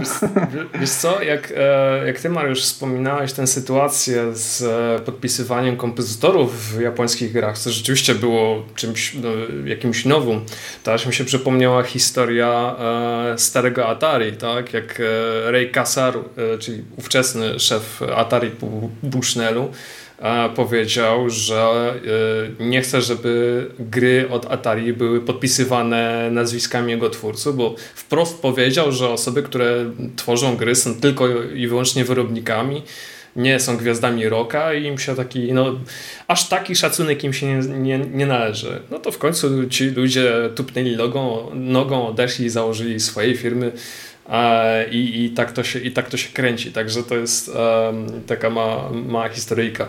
Ale jakbym miał powiedzieć, jak to się rozwija rzeczywiście na przestrzeni lat, e, to tutaj bym się zgodził z tym, co właśnie mówi Konrad, że muzyka do gier znajduje się na takiej, myślę, mocnej fali e, znoszącej, tak? Ta muzyka do gier cały czas powstaje. Ja już całkowicie już pomijam tę muzykę do AAA-ów, które podobnie jak ta muzyka filmowa jest e, w zasadzie komponowana pod, e, w, taki sam sposób, w takie same nuty, no jakbyś jakbym ustawił sobie, nie wiem, jakiś soundtrack z AAA z filmem na przykład Hansa Zimmera, no to miałbym problem. Dokładnie o Hansie Zimmerze.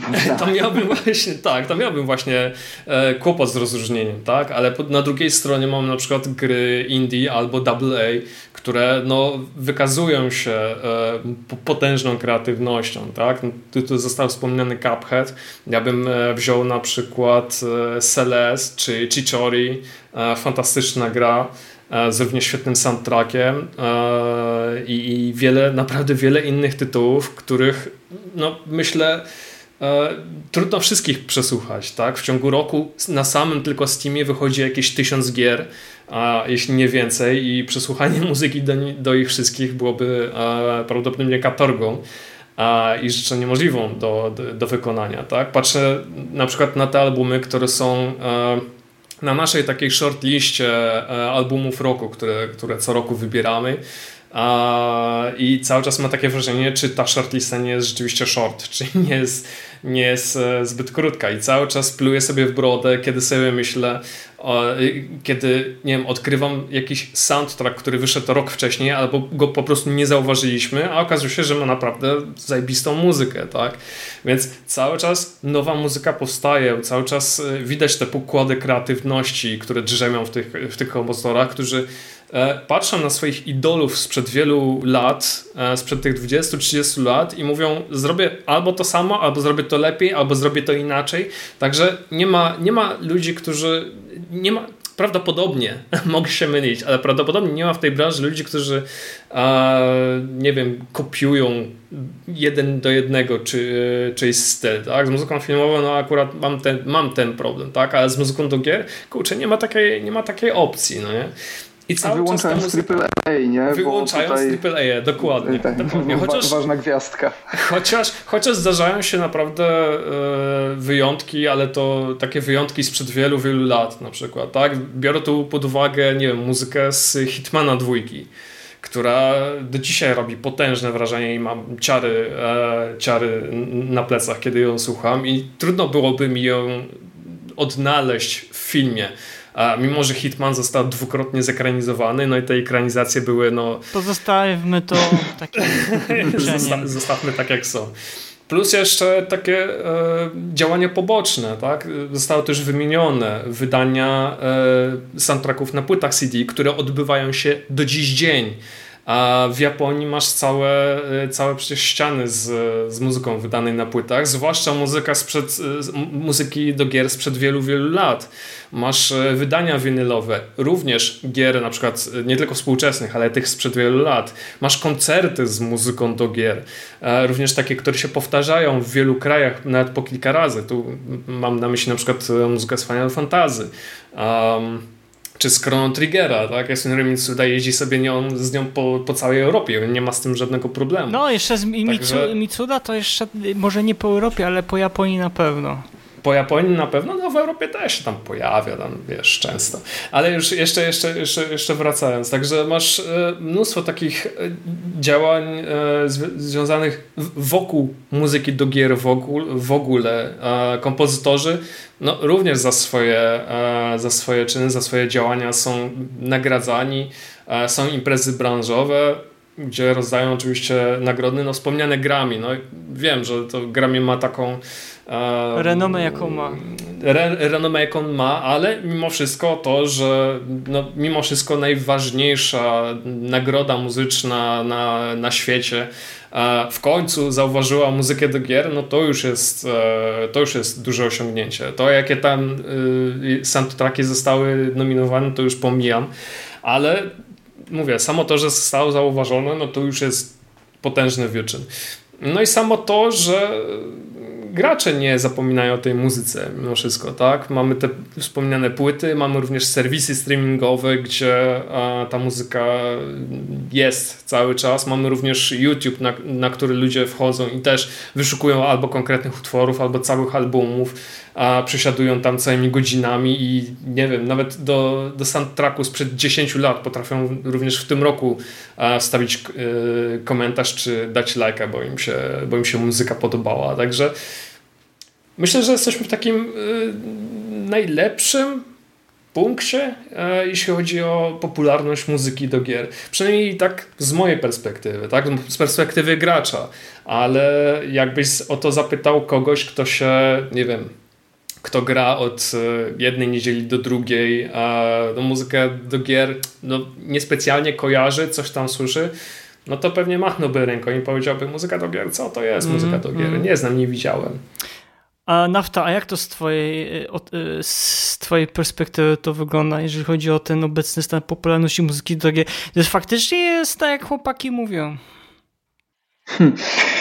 To będzie nudne odpowiedź, że zgadzam się z przedmówcami, ale może, może znajdę inny aspekt, y, y, którym nadbuduję na tej zgodzie. Znaczy tak, y, Paweł powiedział bardzo, bardzo ważną rzecz, która się też wiąże właśnie z rozwojem popularności. Powiedziałeś, że osoba, która gra tam sobie od niedzieli do niedzieli nie zwraca uwagi. I oczywiście i dlatego na przykład w AAA zazwyczaj są generyczne soundtracki, tak. ponieważ one jakby one mają jakby być najmniej inwazyjne. Najmniej inwazyjne. ofensywne, nie? No właśnie, one nie mają przykuwać twojej uwagi na tyle, żeby, żeby zwracać na to uwagę do końca. E, też zależy od AAA gier, no bo tutaj Konrad przecież wymienił e, God of War, który rzeczywiście ma przecież świetny, świetny soundtrack i tak, e, więc na tej półce AAA też się zdarzają fajne rzeczy. Natomiast myślę, że ten rozwój jest wielkim katalizatorem i tutaj oczywiście gdzieś to wszyscy chyba poruszaliście w jakimś tam stopniu, ale myślę, że warto podkreślić to, jak w ogóle istnienie i rozwój, boom w zasadzie na gry indie zmienił to myślenie, bo mm, wcześniej jakby ta identyfikacja taka tożsamościowa, tutaj trochę założę czapkę domorosłego antropologa, taka identyfikacja jestem graczem, nie? jestem gamerem, e, ona dotyczyła małej ilości ludzi tak naprawdę. Nie? To, to, że gry są tak popularne, to jest jakby w takiej, w tak zwanych w socjologii jest taki termin struktury długiego trwania. W kategoriach struktur długiego trwania to jest w ogóle bardzo świeże zjawisko e, tej masowej popularności e, gier, no bo mamy te 50 lat, tak, powiedzmy, gry wideo istnieją, tak korzystam z takiego pongowego, pongowego ustawienia tej daty. To jest bardzo mało, nie? 50 lat w skali jakiegokolwiek rozwoju, e, w sensie rozwoju jakiego, jakiejkolwiek formy kultury, rozrywki, sztuki, to jest bardzo mało. I tak dopiero od, od jakichś 20 lat się te gry wbijają do mainstreamu, żeby ostatecznie w naszych czasach współczesnych stać się tym mainstreamem. I i wtedy jest taka segment, segmentacja tego rynku. Nie? Mamy osoby, które są bardzo wkręcone w gry i to właśnie one kupują winyle, nawet jak nie mają gramofonów, umówmy się. Ja wydawałem winyle, kupowałem winyle i wiem, jak to wszystko działa. Masa ludzi, która winyle kupuje, nawet ich nie słucha. Nie? To jest po prostu coś, co jest fajnie, żeby mieć e, i żeby zaznaczyć chcę wesprzeć to albo pokazać, że ja to bardzo lubię. Nie? To jest taki element merchand, e, nie? Bardziej niż, e, niż jakby wcześniej galaktyki audiofilskiej, o której mówił e, Konrad, czy, czy galaktyki DJ-skiej. Nie? Mm, więc wydaje mi się, że tutaj te indie gry, które stworzyły taką te społeczności, które są na maksa wkręcone, emocjonalnie zainwestowane w to, zainwestowane w osoby twórców nie? i twórczyń, e, Stardew i tak dalej, i tak dalej, nie? bo też te indie gry o wiele łatwiej lubić, no bo to nie jest bezduszny produkt, za którym stoi dosłowna manifestacja szatana na ziemi, typu jakieś EA czy coś, tylko e, stoi jakaś sympatyczna, mniej lub bardziej osoba, albo przynajmniej osoba, do której się w jakiś sposób e, która jest ludzka, nie? której możemy się odnieść, której można to budować są, jakąś... To są osoby, które widzą, co się dzieje na rynku i postanawiają ją troszkę ulepszyć. Tak? Stardew Valley no to to jest efekt tak naprawdę tego, że jego twórca widzi, co się dzieje z jego ulubioną marką, czyli Harvest Moon i mówi, ej, ja to zrobię po prostu lepiej i wrócę do tego, co było. Mhm, mhm, tak, tak, absolutnie. Właśnie to, to jest też tak, że nie wiem jak, jak duży to jest stopień procentowo, ale duży, duży stopień reaktywności jest w tym undergroundzie growym, bo już w zasadzie możemy powiedzieć, nie, że jest coś takiego jak underground game developerski, tak jak w muzyce mieliśmy, prawda? E, mamy od, od, od, w muzyce popularnej praktycznie od początku jakąś tam warstwę podziemia, muzycznego, które nie chce grać na zasadach mainstreamu. Y, różnie, różnie to oczywiście można rozumieć i, i, różnie realizować.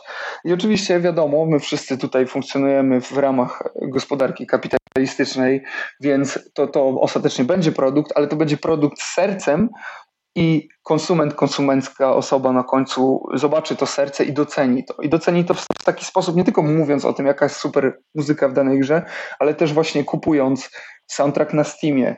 Y, sound, bo to jest też przecież fajna rzecz, że bardzo dużo gier, nie wiem czy większość, bo ponownie to by trzeba było statystyki spa, sp sprawdzić, ale bardzo dużo część gier na Steamie również ma kategorię poza DLC. Można kupić też muzykę, prawda, z tej gry.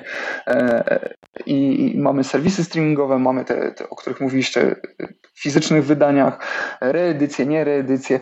Więc absolutnie się zgadzam, że to jest najlepszy w historii moment nie? Dla, dla, dla muzyki growej, dlatego że samych gier jest dużo, bardzo różnorodne są te gry i jest bardzo duża grupa, e, do której gry mogą trafić i bardzo zróżnicowana to jest grupa, więc może powstawać bardzo wiele różnych gier z bardzo różną muzyką i, i mm, wydaje mi się, że e, Tutaj wracając trochę do poprzedniego segmentu e, tej dyskusji, to co Konrad chyba naj, najbardziej podkreślał, czyli mm, związanie tego z technicznym aspektem, tak? czyli muzykę do gier robią programiści.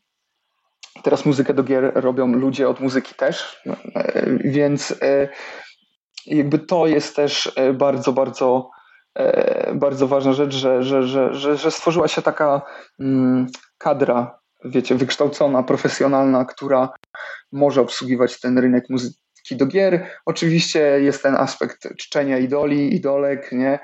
który się zaczął w Japonii, tak jak słusznie mówiłeś Mariusz, tam jest też przecież osobna lista przebojów już chyba od wielu, wielu lat z grami i lista sprzedaży osobna e, soundtracków gier, e, które jak ktoś lubi te wszystkie mm, różne czary-mary na streamingach, to jestem ciekaw jak oni streamingi wliczają, czy w taki śmieszny sposób jak lista billboardu, czy, czy w ogóle, nie wiem, bo, bo się nie orientuję, ale jestem bardzo ciekaw jak oni sobie no, bardzo późno, poradzili. Bardzo późno ogólnie Japonia też weszła w streaming, no przecież Square Enix, Oczywiście, Capcom, chwała oni... za to.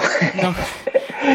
I, ale mimo bo, tego. Bo ludzie... niestety wszyscy korzystają na streamingu poza jakby stroną artystyczną. Tak, ale, no, ale, tak. ale mimo tego powiem tak, ludzie i tak kupują fizyczne nośniki z Japonii. Mhm, oczywiście, Dalej, oczywiście. Bez, Jeśli są zainwestowani emocjonalnie, tak. nie? Na tyle, żeby, żeby to brać, bo, bo to jest ważne pytanie, czy jak duża jest grupa, bo jakaś na pewno, e, grupa ludzi, którzy na przykład nie grają w dane gry, ale słyszą, że muzyka jakiejś gry jest fajna i, e, i słuchają tej muzyki. Na przykład nie grając w ogóle w tę grę i nawet nie grając nigdy w tę grę, nie?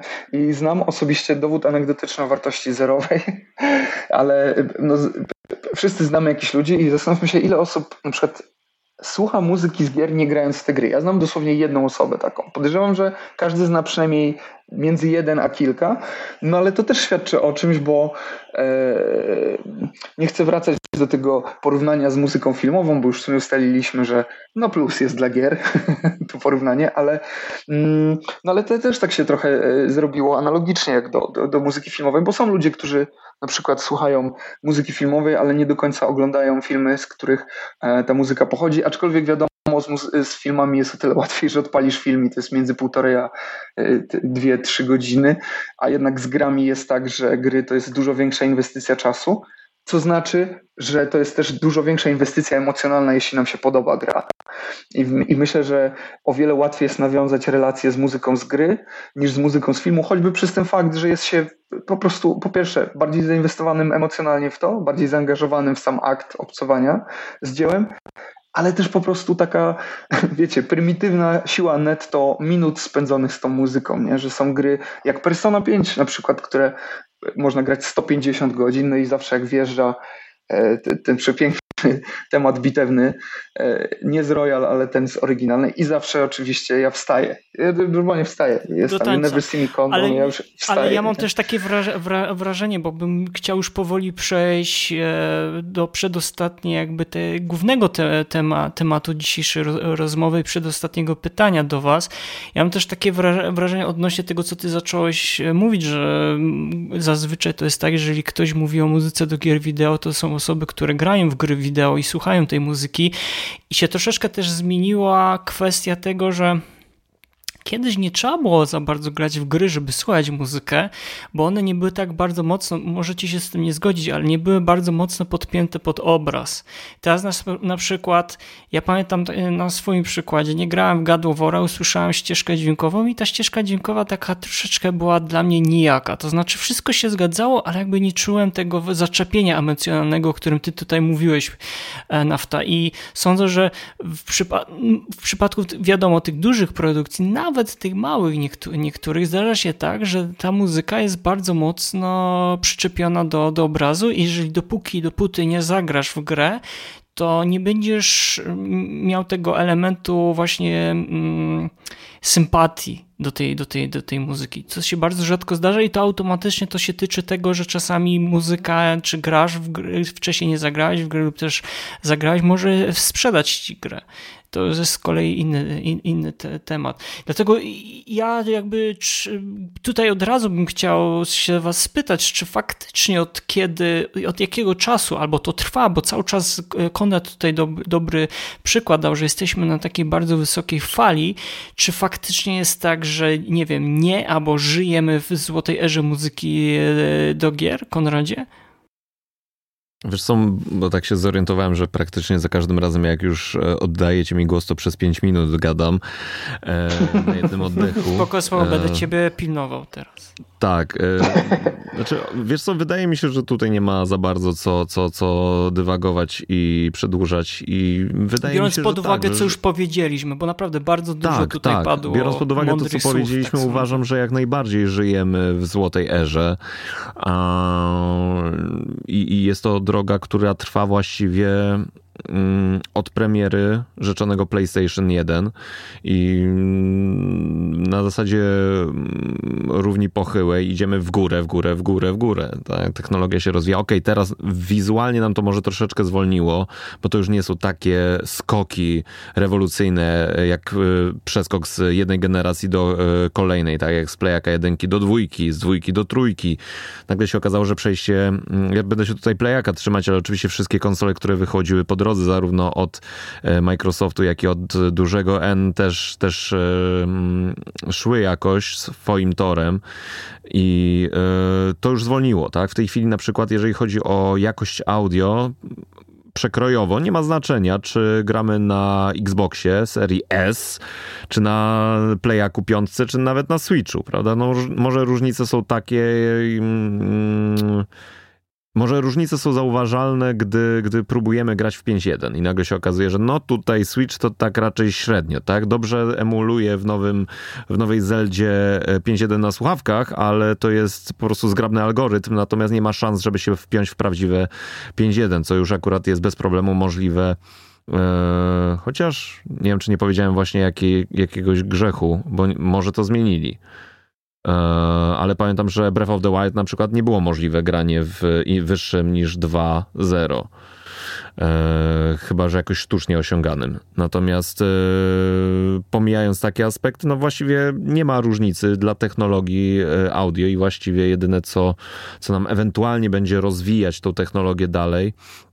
Sztuczna inteligencja? Mm, no to, nie, nie. Przede wszystkim dalszy rozwój y, silników audio, czyli Wise'a i F-Moda oraz ewentualnie y, silników wbudowanych w Unity czy Unreal'a, bo wiadomo, że w tej chwili y, sam fakt tego, że cała masa studiów deweloperskich przechodzi z własnych proprietary engine'ów, tak jak Redzi, którzy przeszli z Reda na, na UE5 i właściwie coraz więcej studiów będzie robić tą migrację, to faktycznie dalszy rozwój softu audio w tych silnikach, tudzież właśnie w middleware'ach pokroju e, Eliasa, Wise'a, F-Moda, co tam jeszcze innego nam powstanie w przyszłości, będzie dalej rozwijać e, możliwości e, aranżacji tego audio i, i, i jego i, i, poziomu symulacji realizmu, chociaż może niekoniecznie realizm jest takim, takim ostatecznym punktem odniesienia, może jakieś nowe, nowe rzeczy się pojawią niebawem dzięki, dzięki e, technologiom, które dopiero powstają albo dopiero powstaną, że nawet jeszcze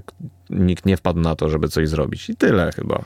To, to mi się podoba. Ja, ja, dlatego bardzo Ciebie lubię zapraszać, bo Ty bardzo od tej strony takiej technologicznej lubisz pewne rzeczy podsumować i sądzę, że w przypadku mnie, Pawła i Nafty, to my troszeczkę z innej perspektywy na to zaraz e, popatrzymy, ale zgadzam się jakby najbardziej, że teraz ten rozwój technologiczny to to jest chyba złota era dla, dla świata elektronicznej rozrywki, a szczególnie muzyki do gier.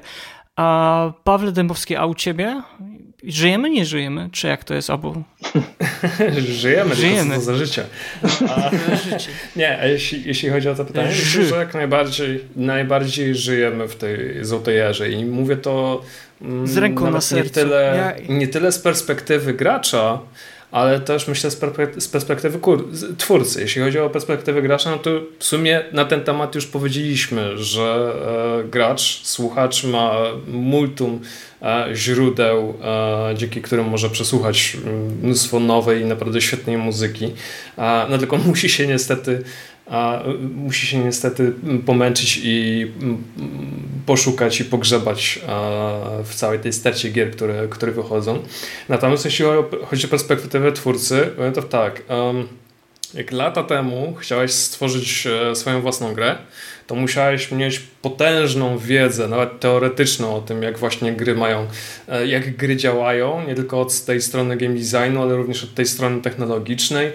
Musiałeś znać odpowiednie narzędzia, musiałeś no, również mm, w pewnym sensie znać się na programowaniu i tak dalej, i tak dalej. No generalnie musiałeś mieć e, głowę, głowę jak jak pałac kultury, e, żeby to wszystko ogarnąć. W przypadku e, muzyki, do, w przypadku tworzenia muzyki również musiałeś mieć pewne, pewną wiedzę, musiałeś mieć pewne doświadczenie, musiałeś e, znać mm, programy komputerowe. Również właśnie, a propos software'u, jeśli chciałeś stworzyć grę, no to również musiałeś wykorzystywać do tego software, który no, darmowy nie był. One kosztowały pieniądze i to dosyć niemałe, także to już było takie trochę wykluczające.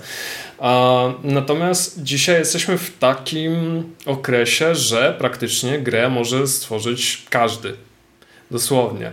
Narzędzi jest multum. Jest e, od cholery darmowych narzędzi, naprawdę bardzo dobrych. To nie są jakieś trialowe E, trialowe software'y, które są bardzo ograniczone, jeśli chodzi o opcje, tylko naprawdę można na nich działać cuda. No, Unity czy e, Unreal Engine 5 są tego, myślę, najlepszym przykładem, że można na nich zrobić e, czy nawet RPG Maker, nie? bo no, chyba oj, tak. Stardew Valley powstało na RPG Makerze. Nie? dokładnie, RPG, RPG, Maker, Godot Engine naprawdę jest tego od cholery i może się z, tych, z tym nieźle pobawić, ale również jeśli mamy te płatne software'y, no to no, na naszą kieszeń już nie, nie trzeba wydawać 2000 e, cebulionów, tylko nie wiem, 200, może 300 zł i już możesz e, coś na tym zdziałać nawet w pojedynkę może stworzyć dzisiaj grę, może stworzyć grę w 5-10 osób, whatever, ale już jest to po prostu możliwe. Nie musisz e, chodzić do CT Projektu, Techlandu, błagać, że chcesz tworzyć gierkę, możesz po prostu zrobić ją sam, własnym sumptem, nawet w własnym domu. W przypadku kompozytorów jest mniej więcej ta sama zasada. E, mianowicie, e, jeśli nie musisz mieć jakiejś szczegółowej wiedzy odnośnie tego, jak tworzyć muzykę do gier. Nie musisz mieć certyfikatu, nie musisz e, chodzić na uniwersytety. A serio, e, przez te kilkanaście lat, odkąd piszę na GameMusic.pl, spotkałem się z takimi kompozytorami, którzy wprost przyznawali, że nie potrafią czytać, yy, czytać nut w ogóle. Po prostu szli do pracodawcy, mówili, że y, chwalili, y, mówili, mówili, że chcą, chcą u nich pracować. Ci dawali im e, zeszyty z nutami, oni mówią, ale ja nie umiem ale czytać. Ale też nie byli kompozytorami, się... ale też sound designerami było, tak? Bo jeszcze nie było takich stanowisk, nie było jakby budżetów. Na przykład. Tak? Dokładnie, to się zmieniło dokładnie. tam w przeciągu chyba niecałych dwóch dekad. Bardzo szybko. Dokładnie. 15-20 lat. To samo, no, Polska, ale w sumie nie tylko. 15-20 lat to jest właśnie taka taki powiedziałbym przemiana taka. Mhm. Przemiana, przemiana całej branży tak naprawdę game devowej, tak? Jeśli właśnie jeszcze wrócę do tych e, kompozytorów muzyki, również software też myślę nie jest problemem. A jeśli naprawdę chcesz stworzyć muzykę, nawet najprostszą do jakiejś, jakiegoś indyka, przy którym pracujesz, no to też nie musisz mieć jakiegoś zmyślnego urządzenia, zmyślnego software'u. Możesz wydać jakieś pieniądze, naprawdę niewielkie, na przykład na FL, e, FL Studio, czy jakiś inny, innego DAWa i po prostu robić muzykę na, na swoim własnym y, komputerze. No, przynajmniej takim, który potrafi e, uruchamiać kalkulator i notatnik tak naprawdę. To już tak naprawdę wszystko, wszystko zależy od talentu, od tego, czy wam się chce, no i też do tego wychodzi e, E, wychodzi chęć nauki przede wszystkim. Tak? No, nikt się nie rodzi geniuszem, trzeba się pewnych rzeczy nauczyć, ale również ta wiedza jest powszechnie dostępna. Tutoriali na YouTube jest od wuja i po kolana. Dokumentacji również jest, też jest od cholery. Mm, również jeśli macie jakieś problemy, można wejść na fora, na Discorda, można zapytać ludzi, poprosić ich o, o pomoc i naprawdę branża game devowa, w pewnym sensie również branża kompozytorów e, muzycznych tych i amatorów, i tych średnio zaawansowanych jest naprawdę pomocna i mm, jeśli, jeśli szukacie pomocy, z chęcią te osoby Wam podadzą rękę. Także myślę, że pod tym kątem właśnie myślę, jest, żyjemy w takich, w takich złotych czasach, że dzisiaj naprawdę kto chce, kto ma chęci, kto chęci do nauki, do tworzenia takich rzeczy, może się po prostu zabrać. No tylko trzeba ruszyć tyłek. Mhm. No to, a jak ty byś to podsumował? Żyjemy, nie żyjemy w tej złotej nie, nie, nie, nie, będę, nie będę oryginalny, jeśli powiem, że e, koledzy przede mną absolutnie 100% zgody. E, tak, no wydaje mi się, że e, jeżeli tutaj padło parę takich e, bardzo ważnych stwierdzeń, które wskazują, że gry jako całość w zasadzie są w najlepszym momencie, to się rzeczy ta muzyka e, z gier też jest w najlepszym, w najlepszym momencie. Ta ewolucja od e, tych klipów MIDI, czyli ustawiania ręcznego nutek Myślę, że na przykład dla e, osób, e, które amatorsko chcą się zająć game devem, no sztuczna inteligencja, czy tego chcemy, czy nie, gdzieś ostatecznie ona będzie wsparciem. E, I myślę, że jeżeli ona będzie Zresztą nie chcę otwierać nawet w ogóle te, te, tej rury z, z, ze sztuczną inteligencją, ale rzeczywiście dostępność, łatwość nie tylko narzędzi, ale know-how, wiedzy, edukacji, kanałów na Discordzie, gdzie można się podłączyć, popytać ludzi, e, tutoriali na YouTubie. Tego jest strasznie dużo. E, tutaj mówił Paweł o kupowaniu jakiegoś tam Fruity Loopa czy coś, no ale 30 dni Abletona można mieć e, za darmo, nie? Triala. Nie, nie mówiąc już o jakichś innych sposobach, których może głośno nie wypowiadajmy, więc jakby, jak to określił świetnie mój, e, mój serdeczny przyjaciel z zespołu Gaijin Blues, e, teraz dzisiaj nie ma wymówek, żeby czegoś nie robić. Jeśli chcesz coś zrobić, to absolutnie możesz. E, wiadomo, że to jest trochę ostra opinia, no bo jednak materialne warunki, w których się żyje, to jest jakiś tam powód, w którym może nie być czasu czy siły na to, żeby zostać game devem po, po godzinach z zamiarem otwarcia nowej kariery czy coś tam. No ale ogólnie no nie, ma, nie ma wymówek. Jeżeli ktoś chce coś robić dzisiaj kreatywnie, to te narzędzia są dosyć dostępne. E, I, i, i jeżeli ktoś nie, nie cierpi skrajnej biedy, nie, nie cierpi głodu czy coś, to siada i po prostu może robić. Więc to jest naprawdę super. Tutaj pytanie jest, e, e, jakby, jaki jest ostateczny sens tylu osób, które gry robią i tak dalej, bo, bo, bo wiemy ile gier na Switchu, na e-shopu wpada, ile gier na Steamie i tak dalej. Mm, I, i, I to jest jedyne niebezpieczeństwo, no ale tutaj oczywiście e, no po prostu to jest trochę też wina tych mm, tych platform, które umożliwiają e, Sprzedaż. po prostu sprzedawanie jakieś, e, jakieś kupy, jakieś asset flipów i tak dalej, i tak dalej. Mm, wiadomo, że to też nie jest tak, że jak ktoś jest utalentowany i ma ciekawy pomysł, to wystarczy, żeby odnieść sukces, ale jeżeli ktoś jest utalentowany i ma jakiś pomysł i ochotę, nawet nie musi być utalentowany, to może to zrobić, nie? niekoniecznie z zamiarem kariery. Więc myślę, że takich opcji będzie jeszcze więcej. Myślę, że w związku z tym, że mm, z najróżniejszych pool game devu, te narzędzia są coraz bardziej dostępne, więc będziemy widzieć może jeszcze więcej takich mini zespołów czy pojedynczych osób, które robią naprawdę bardzo, bardzo ciekawe rzeczy.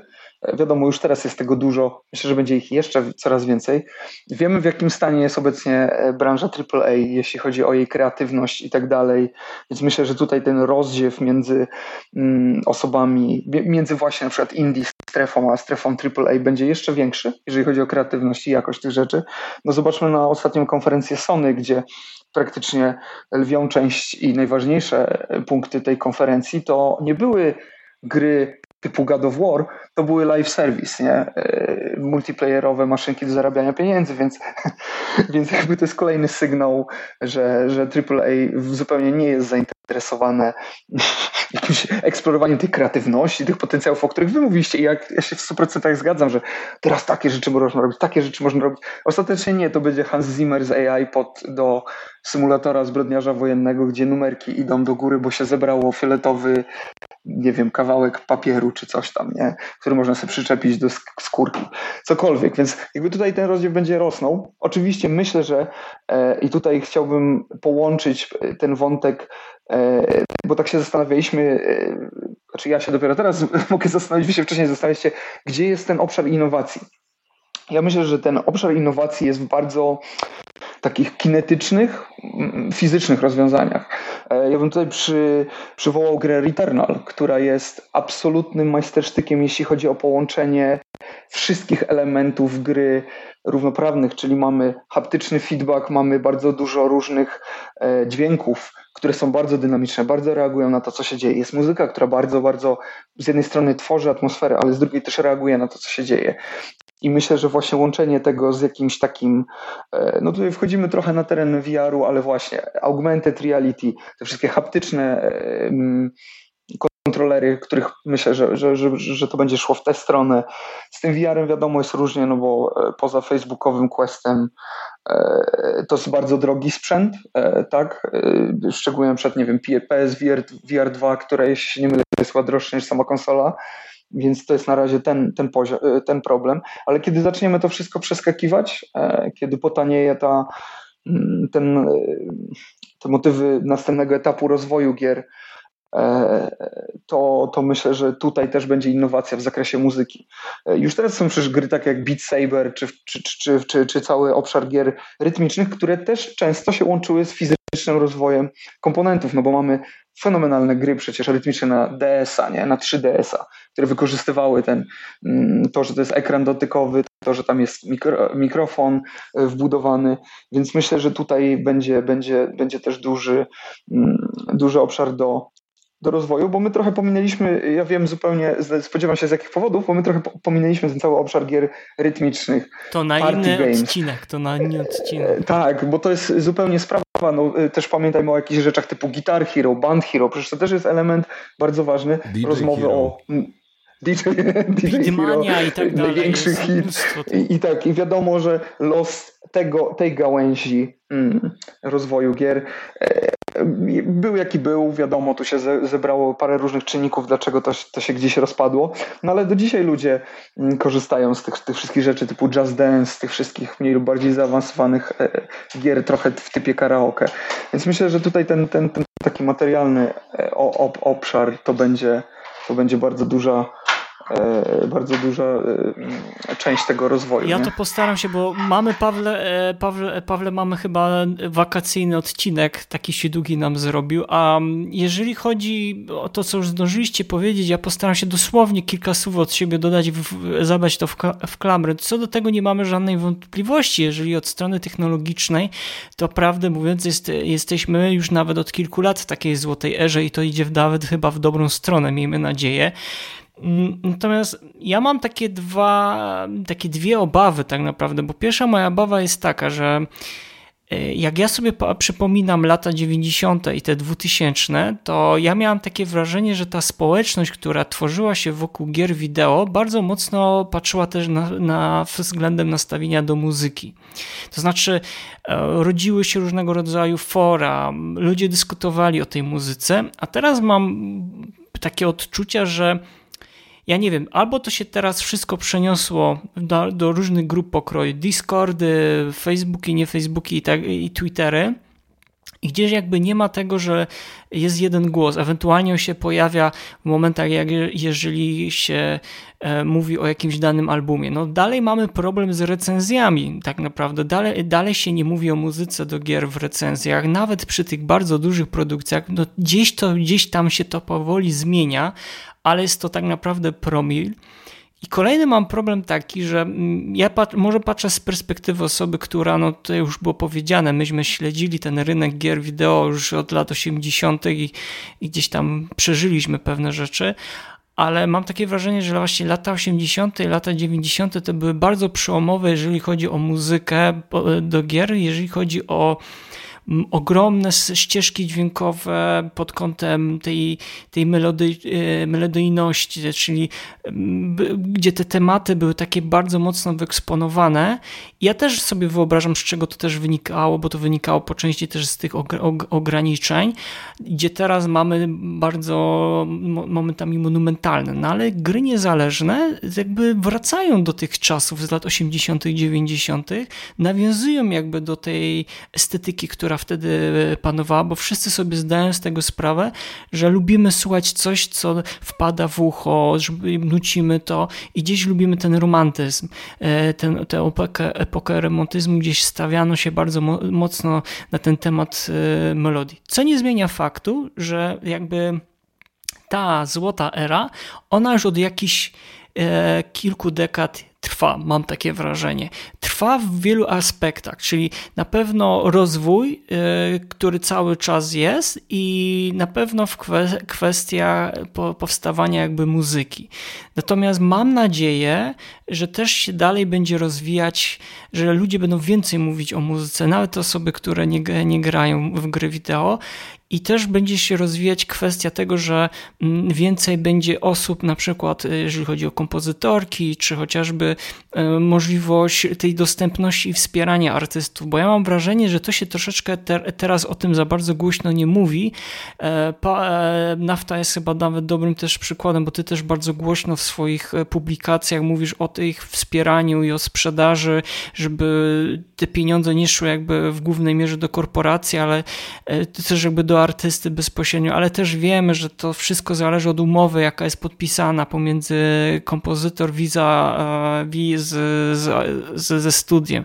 Więc to jest kolejny jakby e, kolejny problem, kolejny temat, który... E, tak, jeszcze tylko powiem, kwestia tantiemów, nie? kwestia e, publishingu, tego podziału, nie? Też, też zysków, nie? gdzie tutaj nie zawsze w studiach, jeżeli chodzi o gry wideo, mm, jakby jest uwzględniona nie? ta kwestia, czy nawet znam przypadki, gdzie osoby zostały, zostało osobom zaoferowane wydanie soundtracku, ale zostało to jakby wliczone w już Honorarium. obowiązek mhm. spełniony, a nie jako osobna rzecz, na której tak naprawdę osobno studio korzysta i wiadomo, że to nie są, że to mogą być jakieś małe indie gry, ale wiadomo, że tutaj no grzechy, czym ktoś większy, tym łatwiej można bezkarnie nie, popełnić. Tak jest, tak więc podsumowując, jakby e, ta złota era trwa, oby trwała jak najdłużej, mm, bo jesteśmy młodym medium, tak jak Konrad zdążył powiedzieć, ponad 50 lat to jest naprawdę bardzo mało, jeżeli chodzi o takie medium.